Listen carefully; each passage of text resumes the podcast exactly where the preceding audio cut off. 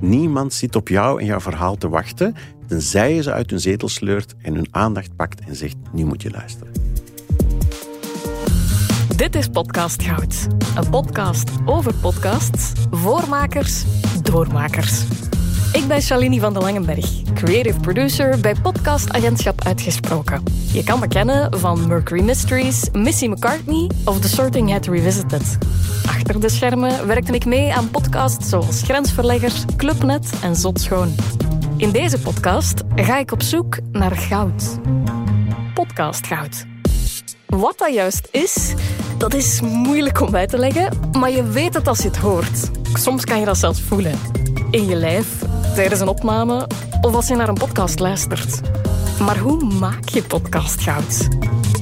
Waar vind je de verhalen? Hoe herken je een gouden idee en hoe ga je ermee aan de slag?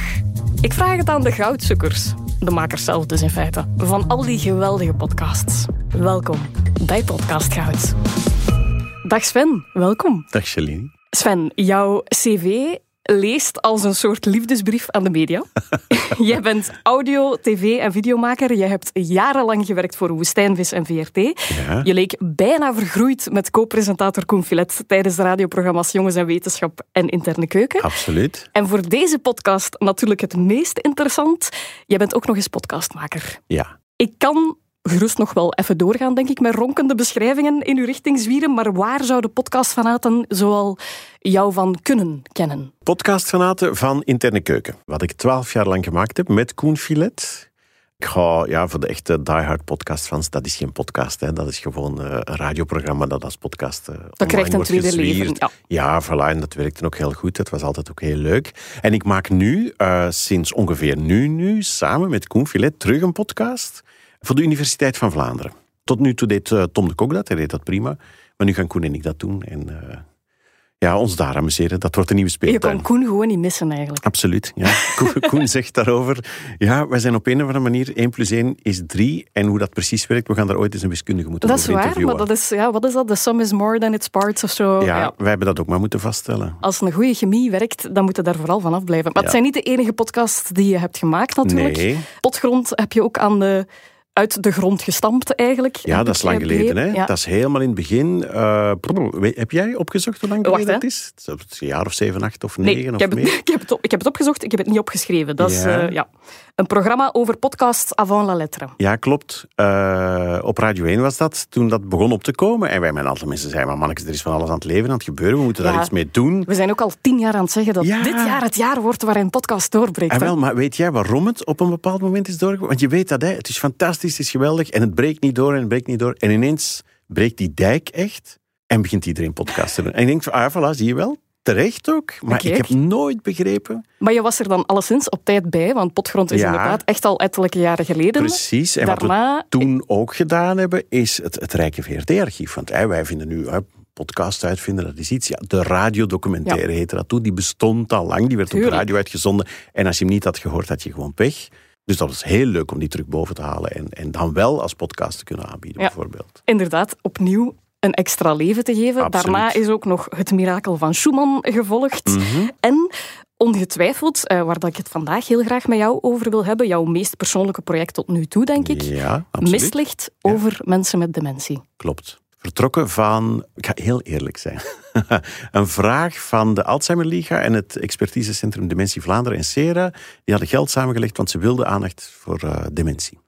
En toen hebben ze een call gedaan en ik heb daarop ingeschreven. En dacht van, ja, maar wacht, ik heb daar wel iets mee. Mijn moeder is gestorven met dementie, dus ik zou vertrekkend van dat verhaal iets willen vertellen. En het leek hen een goed idee. En Wederik de Bakker, met wie ik het Mirakel van Schumann heb gemaakt, die oneindig veel podcasts, dat is een soort half genie op het vlak van podcasts maken. Die gaat hier ook nog passeren. zo. Ja, als ik mag het hopen. Die had hier eerst moeten staan. Eh, maar die had ook mee ingeschreven. En, we, en we- eigenlijk zeiden ze bij Radio 1, jongens, maak dat gewoon samen. Want jullie hebben allebei goede ideeën en, en dat gaat leuk zijn. En die Schumann was leuk. Eh, dus dat hebben we gedaan.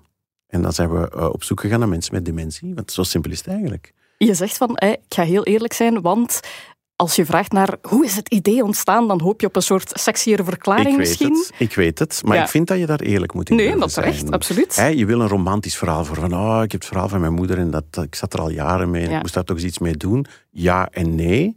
tegelijk. En, Het is ook de gelegenheid, die dient zich aan. Hè? ja, en zijn we onder podcastmakers nu? Ja, Het verdienmodel van podcast is een ramp. Hè?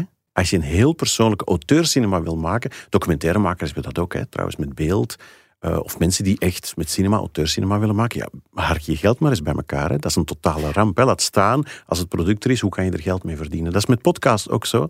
En ik vind, als je iets moois wil maken, dan, dan, moet er geld zijn. financiën Deftig budget zijn. om het Ja. goed te kunnen maken. Dus ik wacht tot iemand met deftig budget komt. Ja, soms kan je dat hebben, of misschien één keer in je leven, dat je denkt van, ik ga dit maken Ja. in mijn vrije tijd, puur, puur, puur gepassioneerd.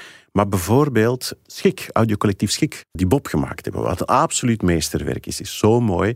Randy Vermeulen, denk ik, de Mhm. producer ervan, heb ik ooit op een, eh, een, een studiedag van het Klankverbond, die geweldige eh, beroepsvereniging, veel te groot woord voor een club, gekken die allemaal eh, gek zijn van podcasts samen. En die vertelde toen, kijk, we hebben daar fenomenaal ons broek aan gescheurd. En toen hebben ze gezworen, dit kunnen we. Dit gaan we niet, nooit meer doen, dit kunnen we zelfs nooit meer doen. Dat is een ramp. Want Bob is een meesterwerk. Mhm. En er zouden nog heel veel Bobs... En als zelfs die mensen zeggen van, we komen er niet aan uit... Ja, dat is zo droevig. Maar zo is de realiteit. En ik heb geen zin in burn-outs. Dus ik Helemaal wacht ja. tot Europa met geld komt om te zeggen... Ja, iemand is zo slim geweest om voor Schuman, Mirakel van Schuman... samen met Hendrik Vos en Wederik over de Europese Unie... om ja, geld op tafel te leggen. Van, we hebben een heel leuk project, maar ja, we moeten rondreizen en hotels en weet ik veel. Dus dat gaat wel wat kosten. Als dat lukt om dat rond te krijgen, ja, dan ben je vertrokken. Heel Dan graag, kan je ja, prachtige absoluut. dingen Ja. doen. Je zegt hè, nu, nu op dit moment bezig met die wetenschapspodcast. Ja, In jouw huidige job ben je natuurlijk ook op wekelijkse basis bezig met podcasting. Mhm. Als directeur van de Universiteit van Vlaanderen. klopt. Sowieso, het feit dat Koen Villet er dan weer bij komt, vind ik heerlijk. Je hebt sowieso altijd al een voorliefde gehad voor non-fictie en wetenschap. Ja, Dus directeur worden van de Universiteit van Vlaanderen is dan de logische volgende stap? Dat is een logische volgende stap in die zin dat eh, ik maak heel graag live radio en podcasts, maar ik maak ook graag video. Eh, en dat is ook wat wij doen, videopodcasts maken, die je op Spotify bijvoorbeeld of op VRT Max zowel kan zien als kan, kan beluisteren. Eh, maar dat hele ding er rond, ook campagne voeren en socials en print en evenementjes opzetten. We gaan dingen op Nerdland doen en zo. Dus eh, ik, ik denk dat marketeers dat 360 graden noemen. dat soort hè, idee van, je, je hebt een hele speeltuin waar je van alles mee kan doen met een, met een leuke jonge ploeg. Ja, dat vond ik wel een mooie uitbreiding, ja. Je bent weer als stem aan het opereren ook. Mhm. In hoeverre zit jij zelf dan ook aan de montageknoppen of ben je betrokken met de making-of van de podcast? Want nu zit je er al direct weer veel dieper in, toch? De ploeg komt met ideeën. Daar laten we ze super vrij in. Eh, we zeggen gewoon of we het leuk vinden of niet. Van, ah, daar heb ik wel zin in, dan mag je researchen of doe, doe maar voort. Eh, ze bereiden alles voor. Wij gaan aan tafel zitten. Wij babbelen met de prof. Eh, het is bij mij thuis, op de plek waar, waar interne keuken ooit begonnen is. We zijn back to the roots. Eigenlijk interne keuken 2.0. Eh, ja, maar zonder eten. Dat is een beetje zielig voor die proffen nu. Oh. ja. Maar er is wel een leuke hond bijgekomen in tussentijd. eh, die af en toe kan horen in de podcast ook. En ja, montage. We proberen niet te monteren. Het hele ding is, we gaan 20 minuten praten, ongeveer. Het mag meer zijn als het interessant is. Maar ik wil eigenlijk geen knip zetten. Dus we proberen zo dicht mogelijk bij een live gesprek te komen. Hoe bereid je dat voor? Daar zit dan toch een rigoureuze voorbereiding in. Ja, nee. Je probeert dat heel logisch voor te bereiden. Dus de redacteurs doen dat nu, hè, maar je probeert die mensen te vertellen hoe dat volgens jou wel of niet werkt. Eh, goh, maar Shaline, heb je echt een paar uur? ik, ik, ik geef les aan de VRT, hè? hoe je moet interviewen en het lange Ja. interview en dat soort dingen. De basistrucs, altijd opnieuw, eh, nobody gives a fuck. Dat is, vind ik, echt de regel. Niemand zit op jou en jouw verhaal te wachten, tenzij je ze uit hun zetel sleurt en hun aandacht pakt en zegt, nu moet je luisteren. Dus dat begin is echt van levensbelang. We zien dat trouwens, ik als directeur moet nu ook de stats van YouTube bijhouden, van onze filmpjes, hoe die bekeken wordt. De eerste zeven seconden zijn cruciaal. Ja. Dat is de moment waarop een luisteraar of een kijker beslist of hij blijft hangen of niet. En dan heb je de eerste minuut, dan haken er nog een paar af en vanaf dan is het stabiel. Wie een minuut uitzit, als je dus een minuut vast hebt, dan heb je ze voor de rest van de rit. Oké, dus nu- ofwel hebben we Het is nu, nu al gebeurd. het is al gebeurd. Ja. Ah, die zijn al weg. Al lang weg. Wel, welkom jullie er, er nog Ja, zijn. ja, als je er nu nog bij bent, Oh, dan zijn blijf zitten. vrienden. Het Ja. wordt echt interessant, want we gaan dus inderdaad in mistlicht duiken. Mhm. Gemaakt voor, je zei het al, VRT Max samen met Wederik de Bakker in samenwerking met Sera, het Ja. expertisecentrum De Mensen Frederik de Vlaanderen. Klerk, de muzikant. De muzikant ja, ook nog. cruciaal. En Alzheimer eh, Liga Vlaanderen. Klopt. Sven, jij en ik wij hebben elk een aantal fragmenten bij, waarmee we het niet alleen over mistlicht kunnen hebben, maar ook Mhm. over jouw ervaringen en het maakproces Ja. van die podcast. Graag. Klaar voor? Zeker.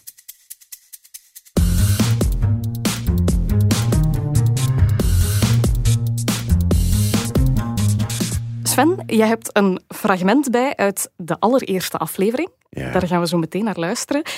Heel even kort voor degenen die de podcast nog niet zouden hebben gehoord. Kan je even schetsen waar Mistlicht precies over gaat? Uh, Mistlicht vertrekt van het feit dat mijn mama dementie had toen ze gestorven is. Ze is uh, oud geworden en de laatste jaren ja, had ze dementie. En, en ja, dat is een heel aftakelingsproces. Hè. Ik heb daar toen heel veel over gelezen. Uh, veel uit geleerd met een aantal van die experts die mij toen geholpen hebben. Ben ik ook gaan babbelen voor deze podcast. Maar uh, ik heb dat ook als vertrekpunt genomen om dat verhaal te vertellen. Uh, en dan te gaan kijken. Er zijn heel veel verschillende mensen vandaag nog altijd met dementie. Uh, in allerlei stadia. Van, van jong dementie. Er, zitten mensen in een podcast waar, waar, je na een uur nog altijd niet aan hoort. Dat het aan de hand is. Tot mensen die, die echt ver, ver, ver weg zijn. En eentje daarvan is mijn tante. Tante Gina, een zus van mijn moeder. Die ook dementie heeft. En toevallig, omdat ze familie zit ze ook mee in die eerste aflevering. Die vertrekt bij het verhaal van mijn moeder en van mijzelf en mijn broers. Maar bij haar is, is, is het echt heel, heel ver gevorderd. Dus, dus, het was ook lang geleden dat ik ze nog gezien had. Ja, dat was heel confronterend. Ja. Ik wil graag beginnen met een fragmentje waarin dat, dat verhaal inderdaad begint. Hè. We beginnen ja. bij jouw verhaal, dat van je familie. We gaan luisteren naar jouw tante Kaat, die zelf nog zeer scherp is van memorie, Absoluut. zoals ze het zelf zegt. En zij heeft het over jouw tante Gina. Ja. En ze waarschuwt jou eigenlijk voor het feit dat het best wel eens een intense rit zou kunnen worden Precies. om die podcast te maken Ja. over dementie. Als je een podcast wil maken over dementie, ja, hallo. Dat is uh, een en het ander, weet hoor. Hard, hard, hard verscheurend, echt hoor. Ik vertel haar dat ik voor deze podcast tante Gina misschien zou willen bezoeken. Ja, ja. Maar ik weet niet of ik er klaar voor ben. Maar hij er voor dat zeer, zeer, zeer... Het gaat onder uw vaal zitten, hè. Die sterke, vivante, slimme vrouwen... Sven, je wilt dat niet meemaken. Je kunt niet anders zeggen. Ze zegt, het gaat onder je vel kruipen. Dat Mhm. heeft het ook duidelijk gedaan dan. Absoluut. Ja. Dit was een heel moeilijk moment, eigenlijk. Uh, omdat ik heb in het begin mijn, mijn tante Kaat gebeld, de andere zus van mijn moeder. Uh, een stuk jonger. En, en uh, ja, haar gezegd wat de bedoeling was en een aantal dingen gevraagd. Het was een heel leuk gesprek. Ik denk dat we ander, anderhalf uur gebabbeld hebben aan de, aan de telefoon. Ik heb dat allemaal opgenomen. En achteraf gemerkt van ja, maar dit is echt een heel goed gesprek. Ik wil dat ook gebruiken. Maar dat was helemaal de bedoeling niet. Dus ik heb er ook niet op voorhand gewaarschuwd van tante, ik ga even opnemen wat u nu zegt. Ik ben achteraf schoorvoetend moeten gaan zeggen van kijk, ik heb dat toen opgenomen. Ik zou er heel graag stukken willen uit gebruiken, want ik vind het heel mooi. Uh, mag dat? En dat was voor haar ook wel, wow. uh, wacht, wacht, wacht, wacht. Uh, dus ik was echt doodsbang dat ze ging zeggen, en dat, kon ze met rechte reden zeggen, ja nee, toch liever niet. Heeft ze godzijdank niet gedaan. Ze zei van, doe maar. Maar dit, wat ze hier beschrijft, is voor mijn familie en voor mensen met dementie ook super gevoelig. Dit ligt gevoelig, want ze zegt twee dingen. Ze, ze, ze benadrukt tegelijk heel terecht, en dat zit ook in die podcast. Mijn tante Gina was echt een fantastische, een fantastisch mens. En vroeger superfeest en zat, zat een moppenboek altijd bij. Heel vrolijk, heel warm. En dat zit erin. En anderzijds zegt ze, ja, pas op, pas op, pas op. Want je nu gaat zien, dat is dag en nacht verschil. En dus voor mijn familie, mijn, mijn nicht bijvoorbeeld, die heeft dat geregeld. De, dochter van tante Gina zei van, ik heb die gebeld. Van, ja, ik zou eigenlijk op bezoek willen gaan, ik zou dat willen opnemen. En ik was ook afwachten van, ja, wat gaat die zeggen? Want dat is heel erg privé. En die zei, nee, kom maar af. Ik vind dat goed. Maar dat is dus... Uh, mijn nicht bijvoorbeeld zei ook, als ze dan de opnames terughoorde, dan hoorde ze dat het eigenlijk veel slechter was met haar moeder dan dat zij zich het voor haar voelde. Het was voor haar ook een schok, enzovoort. Snap je? Dus dat, dat heb je met die dementie. Je zit voortdurend met een en al liefde en zorgzaamheid van de mensen die mensen met dementie omringen. En tegelijk het bikkelhard met de neus op de feiten gedrukt worden. En om dat te laten horen op een correcte, eerlijke manier. Want het grote morele probleem is hier, mijn tante Gina heeft geen verweer. Ze is niet meer in staat om te praten. Dus ze weet niet dat ik een podcast heb gemaakt en dat ik haar toestand te grabbel heb gegooid. Met toestemming van haar twee dochters. Met de beste bedoelingen. Maar dat is een afweging die je maakt. Maar het is echt iets dat ingebakken zit in aandacht voor dementie. Je kan het niet tonen met toestemming. En dan is het maar bidden en smeken en hopen dat je dat op een correcte en eerlijke Ja. manier doet. En dat is echt woord per woord. Uit dit stukje met Tante Kaat is één zin uitgeknipt. Op vraag van de, van de dochters. Van, ja, dat is te confronterend. Het En- is, het is millimeterwerk, Het hè? is millimeterwerk. En, en het is een zin die met veel liefde en oprecht gezegd is. En ik ga hem niet herhalen, omdat ze precies gevraagd hebben om eruit te komen. Maar zo van, dit mag je niet zeggen. Dit is, dit is net iets te Ja. neus op de feiten, zo laat ik het zo noemen. Ja, want ik kan mij ook alleen maar voorstellen, als maker Mhm. is het uiteraard een meerwaarde om dat persoonlijke verhaal te delen. Je weet, Absoluut. het is meteen duidelijk waarom dit onderwerp jou specifiek na aan het hart ligt, waarom Ja. jij dit verhaal moet vertellen en niet iemand anders. Nee. Dat is meteen duidelijk als maker, maar ik kan mij ook voorstellen dat het niet vanzelfsprekend is om in dat verleden te gaan vroeten. Mijn moeder zou dit verschrikkelijk hebben gevonden. Echt? Ja? Ja, dat weet ik zeker. En waarom? Omdat ze niet van aandacht hield. Ik weet niet of ik het zou willen als mijn kinderen van... Als, je- als je, En speelt Als- dat dan mee in die keuze? Als in, weet je dan van, kijk, maar ik moet dit verhaal toch vertellen? ik vind dat ik dat mag vertellen. Ja. Mijn moeder en mijn vader zijn allebei overleden. Ik ben een volwassen man. Ik denk dat ik op het punt ben gekomen dat ik zelf mag beslissen om ook dingen te doen die zij niet oké zou gevonden hebben. Als het met liefde en respect is gedaan. Ja. Dit gaat over, over, ja, over liefde en over mensen graag zien. En Wederik zei dat op een bepaald moment in, in het maken van die podcast. Die zei na een paar weken van, wat wij aan het doen zijn, dat gaat niet over dementie. Hè? Dat gaat over menselijke relaties. Merken wij nu zelf. Dat gaat over, het is toevallig dementie wat het hele ding, de situatie verstoort. Dat had een aardbeving kunnen zijn, of een andere ziekte, of een auto-ongeval ook. Maar wat dat dan doet met mensen, hoe ze daarmee moeten dealen op een of andere manier, dat is oneindig fascinerend. Dat zit ook letterlijk uiteindelijk in wat je in de voice-over benoemt, denk ik. Hè. Dit is een podcast over mensen met dementie en wat het met mensen doet. Ja. Niet alleen degenen die ja, daaraan lijden, maar ook iedereen er rond. Ah ja, er zit een psycholoog in die zegt op een bepaald moment: Mijn patiënt, dat is de hele familie. Het is niet alleen die mensen met dementie die met problemen en issues zitten en zo. Het is iedereen er rond. Ja, het heeft echt een enorme impact op alles en iedereen. Dus je weet, mijn verhaal wordt deel van deze podcast. Zover zijn we. Mhm. Maar ik hoor ook heel veel persoonlijke verhalen in Mistlicht. Jouw getuigenissen, die van je broer, je tante, je nicht, zijn eigenlijk een soort van opstapje, hè? ook naar die andere ervaringen. Ja, absoluut. Was dat ook al van meet af aan de ambitie? Ja, we hebben dan een plan gemaakt en gedacht van oké, we gaan van dat verhaal vertrekken, we gaan dat, we gaan dat vertellen. We wilden heel snel ook eh, gewoon portretten van verschillende mensen. Je- dit is een reeks van vijf, maar het zou er ook tien of twintig of honderd Ja. kunnen zijn. Alle verhalen zijn anders. Dus mijn verhaal is één verhaal. En dan dacht ik, ja nee, dan wil ik die andere verhalen ook horen. Het mocht niet louter bij die persoonlijke ervaringen Nee, blijven. natuurlijk niet. Nee. Ja, heb ik er iets aan gehad voor mezelf, mijn eigen verhaal? Ja, maar ik heb nog veel meer gehad dan, dan die andere mensen, die ontmoetingen. Met die mensen die zeggen, kom maar binnen, zet u, ik ga, ik ga mijn leven tonen. Ik vind dat echt ongelooflijk. Dat ze dat gedaan hebben en dat we er alles hebben opgenomen en montage van gemaakt. En ik denk dat er geen halve zin gesneuveld is als je ze ter controle voorlegt van we willen dit laten horen aan de wereld. Vind je dat oké? Toen zeiden ze allemaal, ja, het is goed. En ik, vind, ja, ik ben ze daar fenomenaal dankbaar voor. Het aanvankelijke plan was om meer chronologisch te werken. Hè? Van Ja. jong dement naar diep Ja. dement. Absoluut. Maar dat verhaal van jouw tante kan je natuurlijk niet lostrekken van jou, je familie, je moeder, je Nee. broers. En dus is dat helemaal terug naar voren geschoven. We hebben alles van mijn familie samen. En dus werd je vanaf de allereerste aflevering met je neus op de feiten gedrukt op iemand die nog net. Dat is nu cru gezegd, hè, want we zijn radio aan het maken. Maar we zochten, we wilden diep dementie laten horen, maar je moet het nog kunnen laten horen. Want het is geluid. Ik bedoel, er bestaan hele mooie documentaires van Gritek en anderen eh, over huisperkens en zo, waar je mensen met dementie ziet. Je kan daar een uur naar kijken terwijl je in een bed ligt en je ziet een wereld. Eh, dat had je hier niet, dus we moesten iemand hebben die, die toch nog geluid maakte. Maar in dit geval, ja, ze, kan alleen nog maar klanken uitbrengen en een beetje zingen. Eh, maar verder niks. Dus dat is, ja, is heel erg confronterend wel. Ja. Wanneer besef je dan die aanvankelijke opzet, waarin we een soort chronologie hanteren, die moet overboord? Is dat dan terug naar de tekentafel of is dat eigenlijk een heel organische beslissing? Dat is een organische beslissing. Je neemt dingen op en, en gaandeweg weet je van oké, we hebben ongeveer een plan voor die aflevering. Dat en dat hebben we. En soms gebeurt het dat Wederik en ik tegen elkaar zeggen, ja, we hebben nog iets te kort. Hè. Dit verhaal heeft nog iets nodig. En dan begin je te zoeken in bepaalde richtingen of zo. Hij stelt nu dat ik aan mijn nicht gevraagd had van, van mag ik bij, bij jou, bij jouw mama op bezoek? En die had gezegd nee.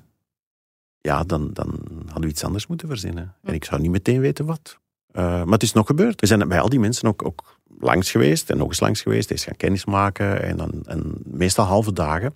En we zijn gewoon iedere keer teruggegaan, drie, vier keer denk ik, gemiddeld, tot er van alles gebeurd was. Maar we dachten van oké, we hebben wel een beeld, fragmentarisch beeld, maar toch een beeld van hoe dat leven voor die mensen op dit moment is. Ja. In het geval van jouw tante ga je inderdaad samen met jouw nicht Lien op bezoek. Mhm. Je krijgt tante Gina te horen en dat klinkt dan zo.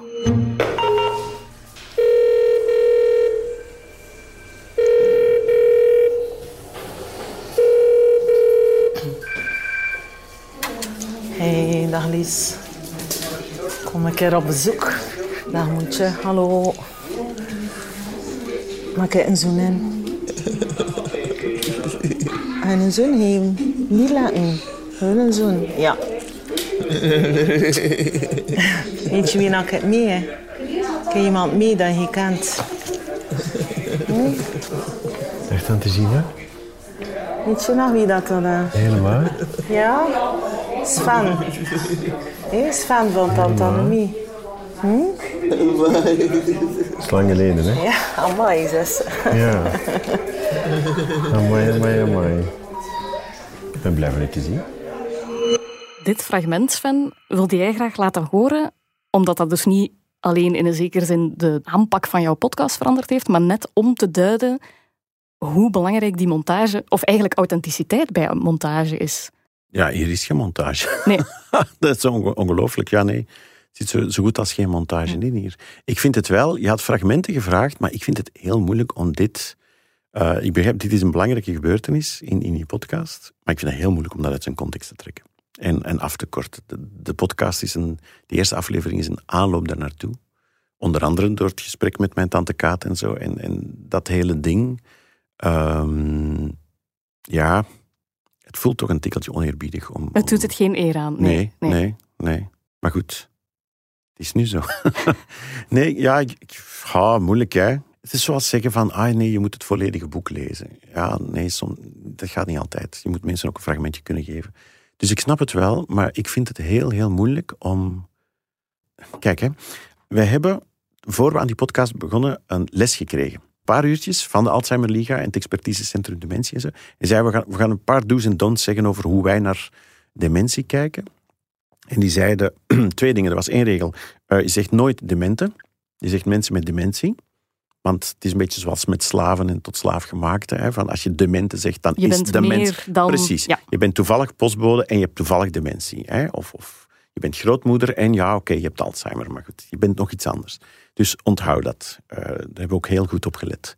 Twee, eh, Alzheimer heeft een hele pijnlijke, droevige, schrijnende kant. Dat is iets wat, wat eerst te documenteren is in het begin. Als er al, als taboe doorbroken werd en er aandacht werd aan gegeven. eh, wat altijd naar voren kwam. En, en droevige muziek en heel traag. En ja, zie dat verval van die mensen. Tegelijk, en dat had ik gaandeweg zelf ook geleerd uit een aantal hele slimme boeken, er zit ook een mooie kant aan, er zit een warme kant aan. Het is niet omdat iemand zich iets niet meer herinnert. Als je beslist dat dat niet erg is, dan gaat er een hele wereld open. Of als je niet meer kan praten, je kan elkaar nog wel vastpakken. Mijn nicht pakt haar moeder voortdurend vast en houdt haar hand vast en ze zingen samen liedjes. En oké, intellectueel stelt dat niks meer voor, zoals het bij mijn moeder ook was aan het eind van de rit, maar emotioneel nog wel. Er is iemand, een van de experts die een boek heeft geschreven, denk ik, het hart krijgt geen dementie. En dat is ook zo. En als je dat ziet van in al die momenten, je kan een baby vastpakken. Hè? Als ik mijn, mijn jongste zoon, die hier wat verder zit te gamen nu, terwijl we praten, omdat hij nu elf is, maar toen ik die als baby vastpakte, die wist niet dat ik zijn vader was en die weet niet hoe ik heet en die weet niet dat ik podcast maakte en dat soort dingen. En toch hadden wij het superleuk samen. En dat aspect, zeiden ze, dat moet er ook in. En dat hebben we toch heel erg gezocht en bewaakt. En dat gebeurt ook vanzelf. Omdat die mensen zelf... Er zijn dagen dat ik of mijn nicht er helemaal door zaten. Je zit te huilen voor vooral dat vreselijke verval. En er zijn dagen waarop je toch je nog vreselijk kan amuseren samen. En, en elkaar graag zien. Vastpakken, knuffelen is Ja. ook communiceren. En misschien wel de meest diepe, menselijke, warme manier. En toen ik dat vooruitzicht had van, oké, stel dat ze ooit diep, diep dement wordt en niet meer kan spreken, kunnen we elkaar nog altijd vastpakken. En dat was zo'n troost en zo'n hou vast. En dat heb je hier ook. En dat, Ja, dat ik denk, absoluut ik denk da- net daarom dat ik het heel mooi vind. Hè, want je, je benoemt het feit dat jouw tante Gina eigenlijk die podcast getransformeerd heeft in aanpak. Ja, Ik vind dat net heel mooi daardoor. Omdat ik denk dat mocht je begonnen zijn van jong dementie naar diep dementie Mhm. en dat je dat verval zou hebben gezien, dat je dat gevoel misschien minder zou hebben gekregen. Terwijl nu ga je die vijf afleveringen door ja. en je hoort verschillende fases. Wat jij zegt, soms hoor je het absoluut niet. Nee, en we, waren dat, we hadden daar een soort didactisch modelletje van. Hè? Van, ah ja, we beginnen bij jong dementie en we eindigen bij diep Ja. dement. En gaandeweg is het heel snel geworden. We vinden bepaalde mensen die we volgen en vanaf dan is het hun verhaal. En zij leggen bepaalde accenten en voor hen zijn sommige dingen belangrijk en sommige dingen moeilijk. En dat is voor iedereen helemaal anders. En er zit hier en daar wat overlap tussen, maar het, is, ja, het zijn mensenlevens. En het zijn portretten geworden En dat, waarin ja, ik niet te zeggen heb wat er moet gezegd worden. We hebben daar ook experts bij gezet telkens, die er heel los vast bij zitten. Die niet komen zeggen, ah ja, deze patiënt heeft dit en dat. En ik zal dus uitleggen hoe het komt. Nee, die een aspect van dementie, daar iets zinnigs over zeggen. Wat raakt aan die levens, maar ja, op een, op een losvaste manier eigenlijk. Je hebt mij een wijsheid meegedeeld die je ook ooit van Koen Filet hebt meegekregen. Vertel je verhaal alsjeblieft niet chronologisch. Ja, Beginnen doe je in het midden. absoluut. Dat is absoluut verboden. Dat zeg ik ook in die doucheles.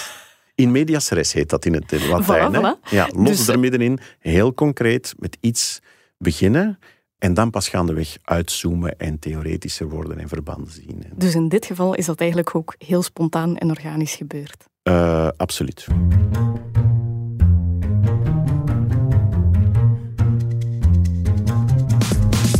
Ik heb een fragmentje meegenomen uit aflevering 3.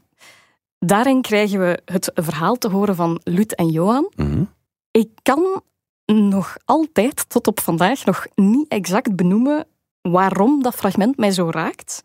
Maar wie weet, eh, kan jij het wel benoemen samen met mij? Ik heb geen idee. We gaan luisteren Ja? naar het moment waarop jij hen thuis bezoekt. Eh, de regen klettert op de daken. Ze hebben het schijnbaar over ongelooflijk banale dingen. Allee, Shalini, je hebt al de meest emotionele Ja, fragmenten eruit echt. genomen. Ik, Ja, maar het is, het is, het is een ongelooflijk moment. Ja. Het, was, het is ook Ja. echt... Het, het is, er is nauwelijks in geknipt. Het is ongeveer zo gebeurd. Want daarom zit die regen erin. Hè? Dus je bent aan het opnemen. We zitten in de veranda te babbelen, wat we vaak met hen deden. En er gebeuren dingen, hele emotionele dingen. En het begint te regenen. En harder en harder en harder. En op dat dak van die veranda. En, en normaal, ik kijk naar Wederik, die, die zit op te nemen technisch. En we hebben zoiets van, ja, dit is eigenlijk een ramp. En Wederik is Wederik, die knikt gewoon heel geruststellend. Zo, kom Komt goed, Kom ja. allemaal goed. Relax. We gaan niets doen. En eh, we hebben iets moeten zeggen op een bepaald moment in de montage. Van kijk, het, het is beginnen regenen. je moet het benoemen. Ja. Ja, omdat je kon er niet meer in knippen. Op een of andere manier. Maar dat was ook niet nodig. En die regen werd symbolisch, omdat er echt iets gebeurde. Je had een soort... Ja, er brak een dijk, emotioneel. En in de film doen ze dan zo bliksem en donder en dan wordt alles donkerder en zo. Misschien dat het dat is, want het gaat schijnbaar over iets ongelooflijk banaal. We luisteren naar een fragmentje waarin het vuilblik kwijtraakt. Ja, En ik zeg het, ik weet en niet dat wat het is, dingen maar ja, ja, Ja. elke keer als ik het hoor, het pakt mij. En ik hoop dat jij ook ehm, kan benoemen waarom. Het zijn maar domme dingen, hè. een vuilblik. Allee. Kom aan, dan achteraf denkt het dan... "Oh, waarom zitten daar niet mee bezig met een vuilblik? Hij moet en hij zal dat vinden. Maar kijk, het is nu nog niet gevonden. Ja, het gaat ook over een aspect van de achteruitgang van mijn cognitie. Dat ik eh, eigenlijk constant naar dingen moet zoeken die ik niet vind. In de meeste gevallen dat ik totaal niet meer weet wat ik ze gelegd heb. Want dat geheugen dat is weg. En dat is moeilijk voor mij, maar dat is ook moeilijk voor u die er dan mee geconfronteerd wordt. Hè. Ze zeggen dan in de cursus, stap voor stap aanvaarden. Maar dat gaat zomaar niet hoor. Dat gaat niet op 1, 2, 3. Ik ben dat ook zo beu van dat zoeken. Een vuilblik, hoeveel kost dat? 2, 3 euro. Maar ja, we doen ons best. Hè.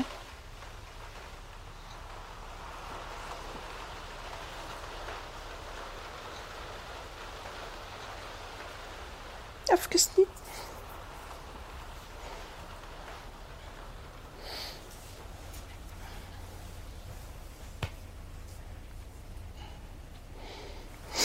Allee, sorry dat ik het hier een beetje in de war breng.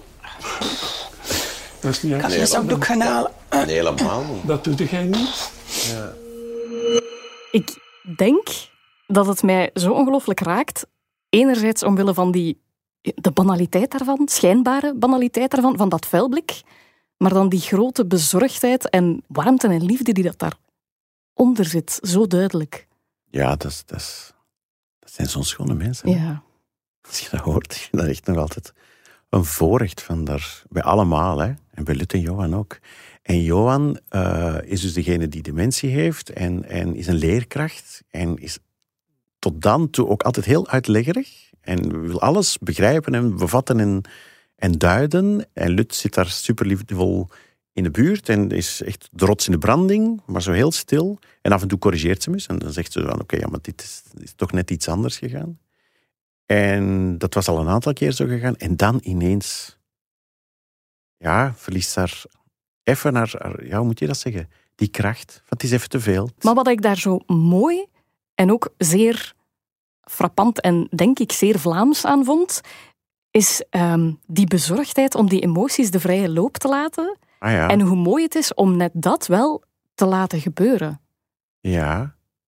En dat ze dan zo zegt van, ah ja, maar ja, sorry dat ik de boel Ja. in de war stuur. Mantelzorgers, hè. Ja. Sterke mensen, die proberen hun best te doen, zo goed mogelijk te doen, en die niet iemand anders willen belasten met ja, een rugzak waar ze zelf ook ja, onder het gewicht vroeg of laat wel eens... Je wilt, je wilt iets afzetten, hè. Maar dus ja, dat is zo'n moment. Hè, je gaat er naartoe, je krijgt taart, je krijgt koffie, je babbelt, er gebeurt zoiets, je staat buiten en je weet allebei, ja, we zijn getuigen geweest van iets heel, heel bijzonders. De enige angst is, ga- gaan we het mogen gebruiken? Maar het is zo intiem. Het Ja. is, je voelt, het is iemand die, die graag Ja, want hier valt, ook zijn. geen, hier valt ook geen seconde van af te dingen. Hè? Nee, nee, want je nee, zegt van, oké, de regen, dat is dan een technische uitleg, zeg maar, maar je, het kan ook. Het, Ah, nee. Het is een dit- fragment- Dit, dit is zo...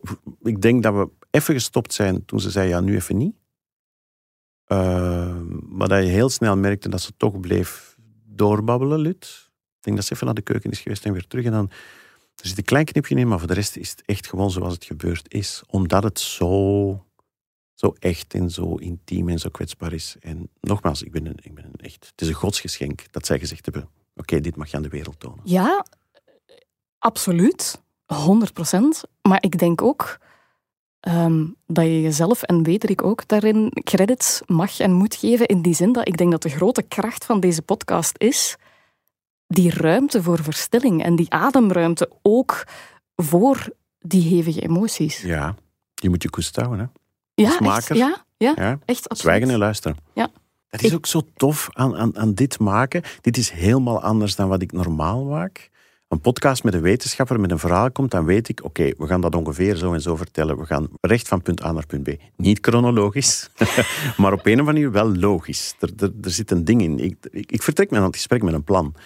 Wat je radiomensen ook leert, is een deel van ons vak, is je bereidt je supergoed voor en dan speel je alsof je het niet weet. En je speelt met, ah ja, ik weet een aantal dingen wel, maar ik laat mij ook verrassen. En soms speel je gewoon de verrassing om het nog eens leuk te maken, om het iedereen interessant te houden. Maar eigenlijk weet je al wat er komt. En de hele kunst is om ook dat te durven loslaten en toch dingen echt te laten gebeuren.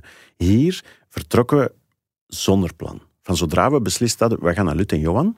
En we wisten, Johan bijvoorbeeld schrijft een boek over zijn dementie. Dus oké, we hebben iets, er kan wel iets mee gebeuren. Uiteindelijk heeft dat een veel kleinere rol gespeeld dan we van plan waren. Maar je gaat er naartoe en we kijken wat er gebeurt. En we registreren. Het is ook dingen laten gebeuren. Ja, ja, ja. Het is fenomenaal hè, dat, dat daar weer de luxe en de tijd was om dat te kunnen doen. We hadden ook geen enkele voorspelling over, gaat dit weken worden of gaat dit maanden worden? Of, of gaat er iets gebeuren? Of, of gaan we evolutie zien in die mensen in hun leven? Of zo. Maar op een of andere manier in, in vier, vijf bezoeken is er toch van alles gebeurd. En, en hebben we elkaar ook altijd onmiddellijk gevonden. Waardoor je heel erg de dingen echt te zien krijgt zoals ze echt zijn. Ik denk ook dat je van eh, de andere partijen, de stemmen die je in jouw podcast hoort, die vrijheid hebt gekregen, net omdat je dat respect ook voelt en die ruimte ook hebt Ja, dat moet je wel gegeven. doen. Ja. En ik heb ook van Wederik geleerd altijd, die, die, die zei ook van, tegen de mensen altijd, we gaan een montage maken en jij krijgt die als eerste te horen en je mag er alles mee doen. En hij is er echt super, super streng in. Ik zit dan Ik heb het een paar keer gezegd, ja, met een bang hartje. Met een beetje met de poepers van, ah, wat gaat er overblijven? Oh my god. Ze gaan dit willen schrappen en het is zo mooi. Zo mooi. En ik wil dat echt laten horen aan mensen. Maar toch, hij was er echt in, als ze iets willen schrappen, schrap het. En ook altijd gezegd aan mensen en ook altijd gedaan. En op die manier ontstaat er ook vertrouwen. Dat is anderhalve minuut die we nu geluisterd hebben. Opnieuw uit de context. Het doet het geen eer aan. Luister gewoon volledig naar Mislicht. Dat moet al een duidelijke oproep zijn nu. Ondertussen. Maar het blijft mij raken. Het is emotioneel en niet sentimenteel. Waar zit dat verschil? Ehm, omdat we eh, heel bewust niet benoemen wat je moet voelen. Er zit geen plan achter van, kijk, en nu gaan we een keer iets triestig tonen. We kunnen dezelfde verhalen vertellen met andere muziek erop. Ook die muziek maakt een enorm verschil. Is ook aan Frederik gezegd, kijk, hier zijn de fragmenten, doe er uw ding mee. Hij heeft dat op een niveau getild, nog vier keer hoger dan wat we al hadden. Maar je beslist niet op voorhand. Ik heb dat ook in, in, eh, in de voiceovers bijvoorbeeld. Echt heel hard geleerd. Ik probeer erop te letten. Zeg niet wat iemand anders moet voelen. Zeg niet, toen werd het plots heel emotioneel bij Lutte Johan. Ja, nee, maar ja, het gebeurt echt heel vaak. hè? absoluut, absoluut. Dat er wordt gezegd, ah, nu, moet, nu gaat er dit gebeuren, en dan gebeurt het. En dan En zeggen ze nog eens, ja, heb je, het- heb je dit. het horen gebeuren? Nee, nee, nee, nee, nee. Laat de dingen maar gewoon gebeuren. En, en mensen mogen daar ook hele dingen... En tante Gina, daar kan je van alles bij voelen. Binnenkort is het familiefeest. Ik ga een aantal van mijn tantes zien. Een aantal heb ik hierover gesproken, een aantal niet. Maar ze hebben allemaal op een of andere manier iets met hun zus te maken. Ik ben heel benieuwd. Het zou best kunnen dat ik van iemand mijn bak vol krijg. Wees, heb jij nu eens hemelsnaam durven laten horen? Dat kan. Dat weet je niet. Maar dat is niet aan mij om dat te beslissen.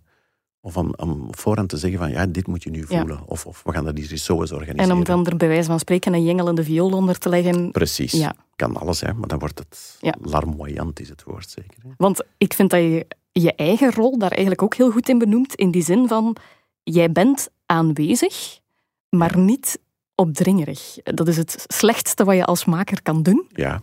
Je laat heel veel ruimte die door anderen kan worden ingevuld, Mhm. opnieuw om dingen te laten gebeuren. En zelf vooral je klep dicht te houden. Absoluut.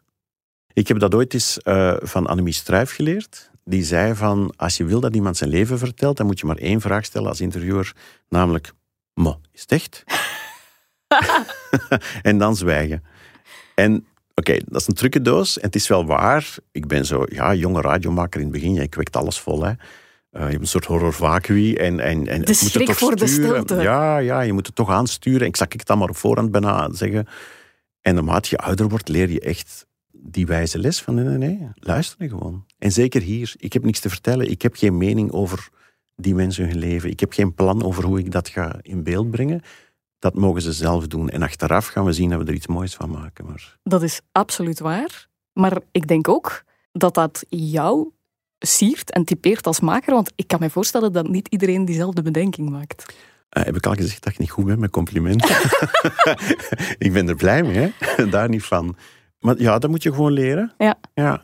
Hoe zit jij daar op dat moment? Want je beseft ten volle dat jij getuige bent van een zeer emotioneel moment tussen twee mensen. Ja, ik zit daar zoals ik daar als mens ook zou zitten als we niet aan het opnemen waren. Je leeft mee in een moment. Je voelt dat er iets gebeurt, je voelt die emotie, die spanning, die, je hebt de zorg. Je wil wel iets zinvols zeggen, maar er valt niks zinvols te zeggen op dat moment. Maar je wilt er toch zijn, dus je stamelt iets. Dat heb ik nog, dat heb ik nog, want ook dat vond ik zeer mooi. Het moment dat jij inderdaad dan toch de woorden vindt. En ook dat vind ik eigenlijk heel erg mooi. Wacht, dat ga ik er ook even bij halen. Ik heb een augustin om dat vuilblik te gaan zoeken nu. In de regen. Ja, niet dat dat iets gaat oplossen, hè. Maar Het ligt misschien het buiten. zou kunnen zijn dat het buiten ligt. En waar was het? Ah, het is nog niet uitgekomen. Het is nog niet uitgekomen. Maar nee. Ja, en ook dat vind ik echt prachtig. Hè? Daarom merk je ook die rollercoaster aan emoties. Ja, ja dat ben ik ook. Hè. Ik, ik maak altijd flauw grappen. en ik probeer altijd dingen af te ronden, maar hier voel je van nee, nee, nee, nee. dit, is, dit moment is veel groter dan ons allemaal. Maar dat dan toch, doordat zij, dat Lut zelf zegt van, ja, die begint terug over dat vuilblik. Van, maar heel praktisch dan van, ja, nu heb ik het nog altijd niet gevonden. Dan voel je, oké, oeh, er is terug zuurstof, we gaan landen, er is hoop, terug. Daar gaat het over, hè? want wat ervoor gebeurt is heel echt en heel mooi. Maar, oké, het is niet aan mij om, om als eerste die... Je zit te wachten. Je zit gewoon te wachten om... Dit is hun moment, dit is hun emotie.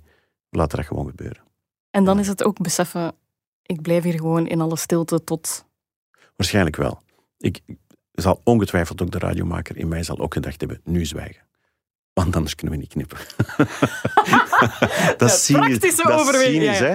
Maar ik denk, ik ga dat ongetwijfeld wel even gedacht hebben. Ja. Maar tegelijk kan je ook, zo'n emotioneel moment, eh, ook zelfs als ik het terughoor, vind ik het heel emotioneel. Daar kan je niet onbewogen naar, naar instaan in dat moment. Eh, hoe professioneel wij ook opgeleid zijn en hoeveel protocollen er ook in ons hoofd zitten van we moeten nu dit en dat doen. Je staat altijd emotioneel in zo'n moment. Je kan dat niet als mens loskoppelen. Dan is het microfoon open en de rest zien we achteraf wel. En laten gebeuren. Absoluut.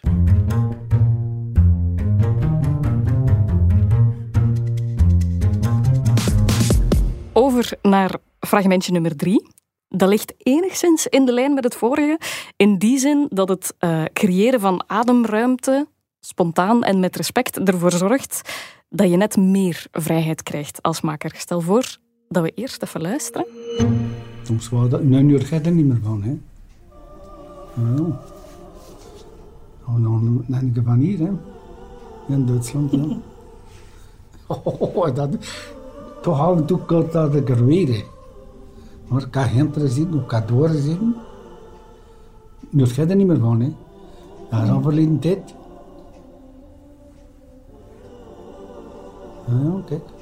We leren altijd bij. Oh, dat is goed, maar zolang dat bij leert, is het goed. Het is even stil. En iedereen slurpt van zijn koffie. Klokslag 12 uur.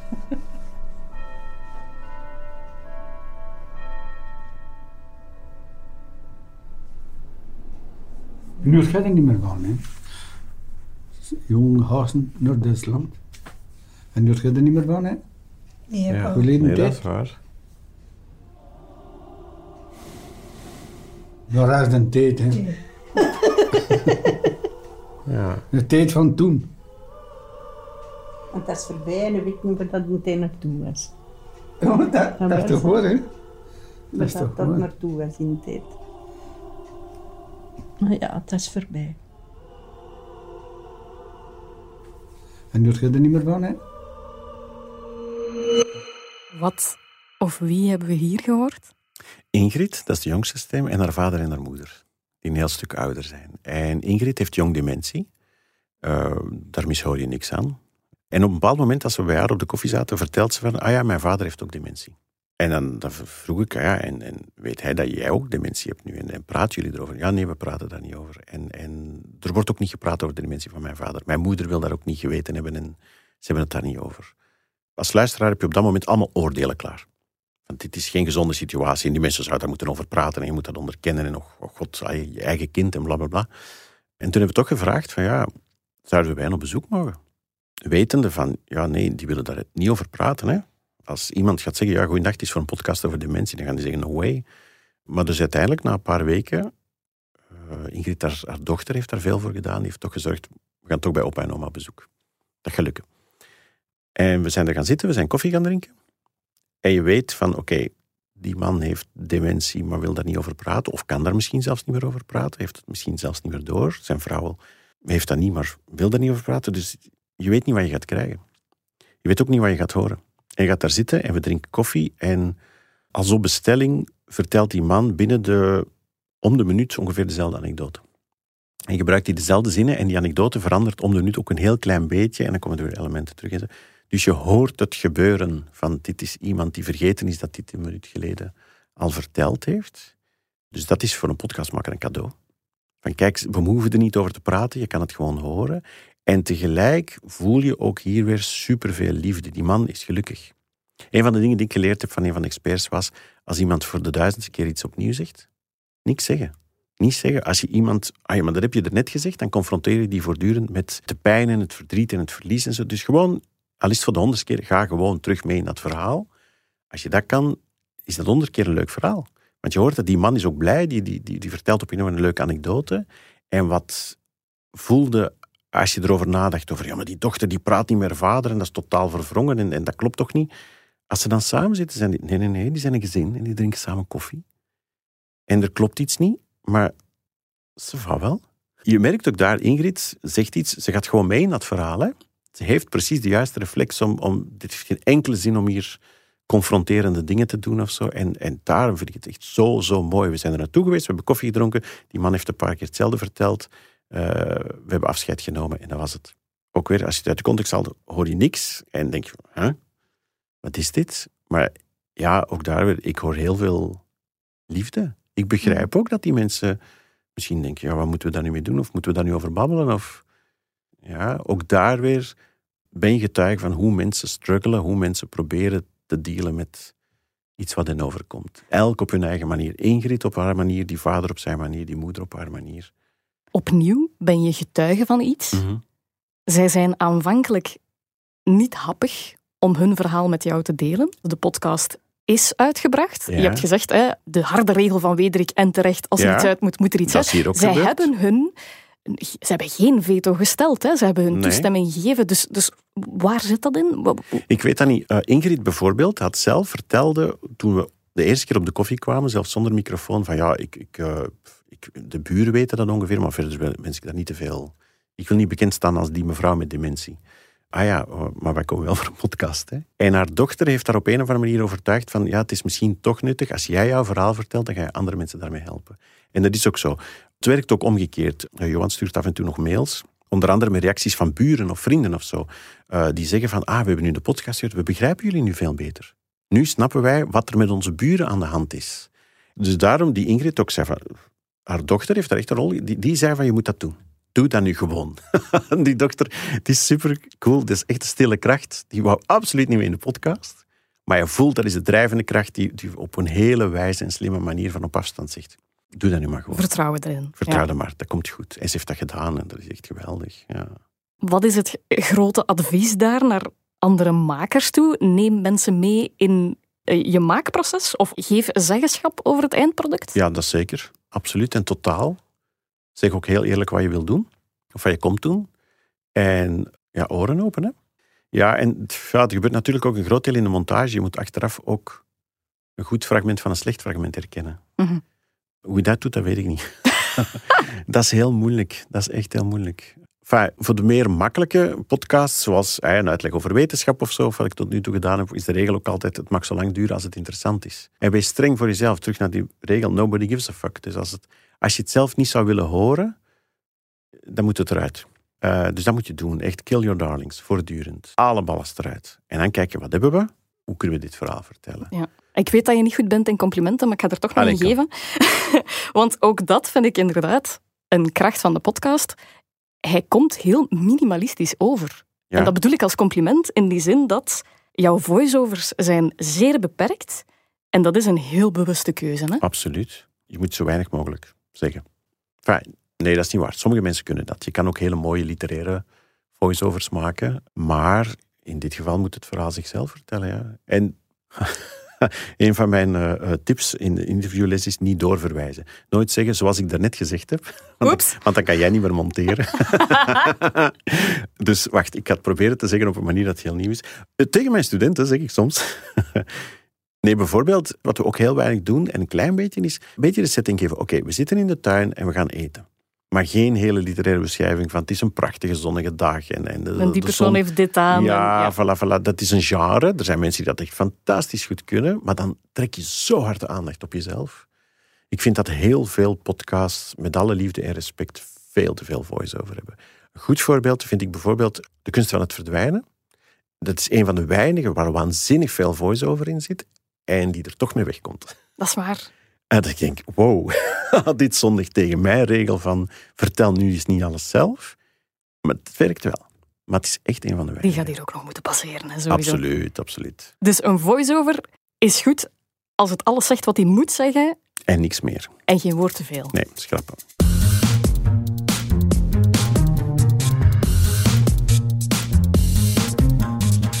Als laatste een podcasttip. Stelen met de oren, dat kunnen we sowieso al. Als we luisteren naar al het luistergrief dat je al hebt losgelaten op de wereld. Maar heb je zelf ook nog een podcasttip die iedereen zou moeten horen volgens jou? Ehm, een podcast waar ik niet aan meegewerkt heb. hoewel ze het oorspronkelijk gevraagd hadden. Uh, het trouwt in jou van het Berrefonds. Die hebben een, geweldige podcast gemaakt, een caravan waar ze hebben, waar ze praten. Uh, Christine, de, de bezielster zeg maar, van, van de VZ2, praat met ouders die een kind verloren hebben. En ze belden op voorhand van, ah ja, je weet iets van podcast, wil je even helpen en wil jij de stem zijn en de introductie doen? En toen had ze een aantal dingen doorgestuurd en ik had gelezen en ik dacht, ja, dit wringt langs alle kanten. Ik kan niet in haar plaats relevante dingen zeggen daarover. Ik heb het niet meegemaakt en dat heeft geen enkele zin. Dus ik heb haar geadviseerd, Christine, doe het gewoon zelf. Dat gaat veel beter zijn. En ze heeft dat gedaan en het is fantastisch. En ze heeft het dan laten horen, die eerste aflevering. En ik zoiets van, ja, het is af, het is fantastisch. Ik heb daar niks aan toe te voegen. Jij bent met dit bezig, met dit project. Je legt er je ziel in, je vertelt wat je aan het doen bent, je praat met mensen, je luistert naar hen. Ja, voilà. Ook daar is het weten wanneer jij jezelf uit die rekensom moet verwijderen. Ja, dat is het zoomum van de voice-over is zo kort dat die echt nul is geworden. Ja. En ook dat jij beseft van, ik ben niet de persoon die dit verhaal moet vertellen. Ja, absoluut. Je moet niet altijd de radiostem, de presentator, de maker willen zijn. Dus ja, ik vond het super cool. Uh, dit gaat een lang leven leiden. Hè. En dit gaat, dat is ook zo mooi aan podcasts. Hè, van, uh, ik zeg nu wel, ik heb dit niet meegemaakt, dus ik, ik ben niet geplaatst om iets te zeggen over het verlies van een kind. Ja, echt waar, God verhoede, hoeveel hout heb je hier in die studio om vast te houden? Maar binnen twee jaar misschien wel. En dan is die podcaster. En dan kan ik terug naar het Berrefonds luisteren en dan ga ik plots daar wel iets aan hebben. En ik denk dat het met die mistlicht ook zo is. Nog mensen, jonge mensen die nu denken, wow, dementie, niks mee te maken. Ja, binnen tien jaar staat dat daar nog. En kan je dat nog altijd ontdekken en daar iets aan hebben. En dat is echt iets fantastisch aan podcast, vind ik. Wat ik het vaakst heb gehoord, is ik durf niet luisteren. Uh, ik snap dat, maar ik zou het toch doen. dat zeg ik ook altijd, doe, doe het maar, het is, het is oké. En in dezelfde categorie dan eigenlijk het rouwt in jou? Absoluut van het Berrefonds. Ja, absoluut. Mag bij deze worden toegevoegd aan de podcastfeed. En daarmee is er een race maak- en luistertips gepasseerd. Met dank aan jou, Sven. Merci om langs te komen. Wie gaat dat willen horen? De audiofreaks. Ja, okay. Ze zijn er. De makers. Ja, ja. Om meer podcasts te ontdekken, verwijs ik ook heel graag door naar de show notes. En wil je dan nog meer tips? Abonneer dan op Podcast Goud voor extra gesprekken met de crème de la crème van de Nederlandstalige podcastwereld. Sowieso bedankt om te luisteren en heel graag tot de volgende aflevering van Podcast Goud. Oh, en dan nog dit. Na de opname kregen we bij Uitgesproken nog een mailtje van Sven. Hij vertelde dat zijn tante Gina, over wie hij vertelde in deze podcast, in maart overleed. We dragen deze podcast goud dan ook graag aan haar op.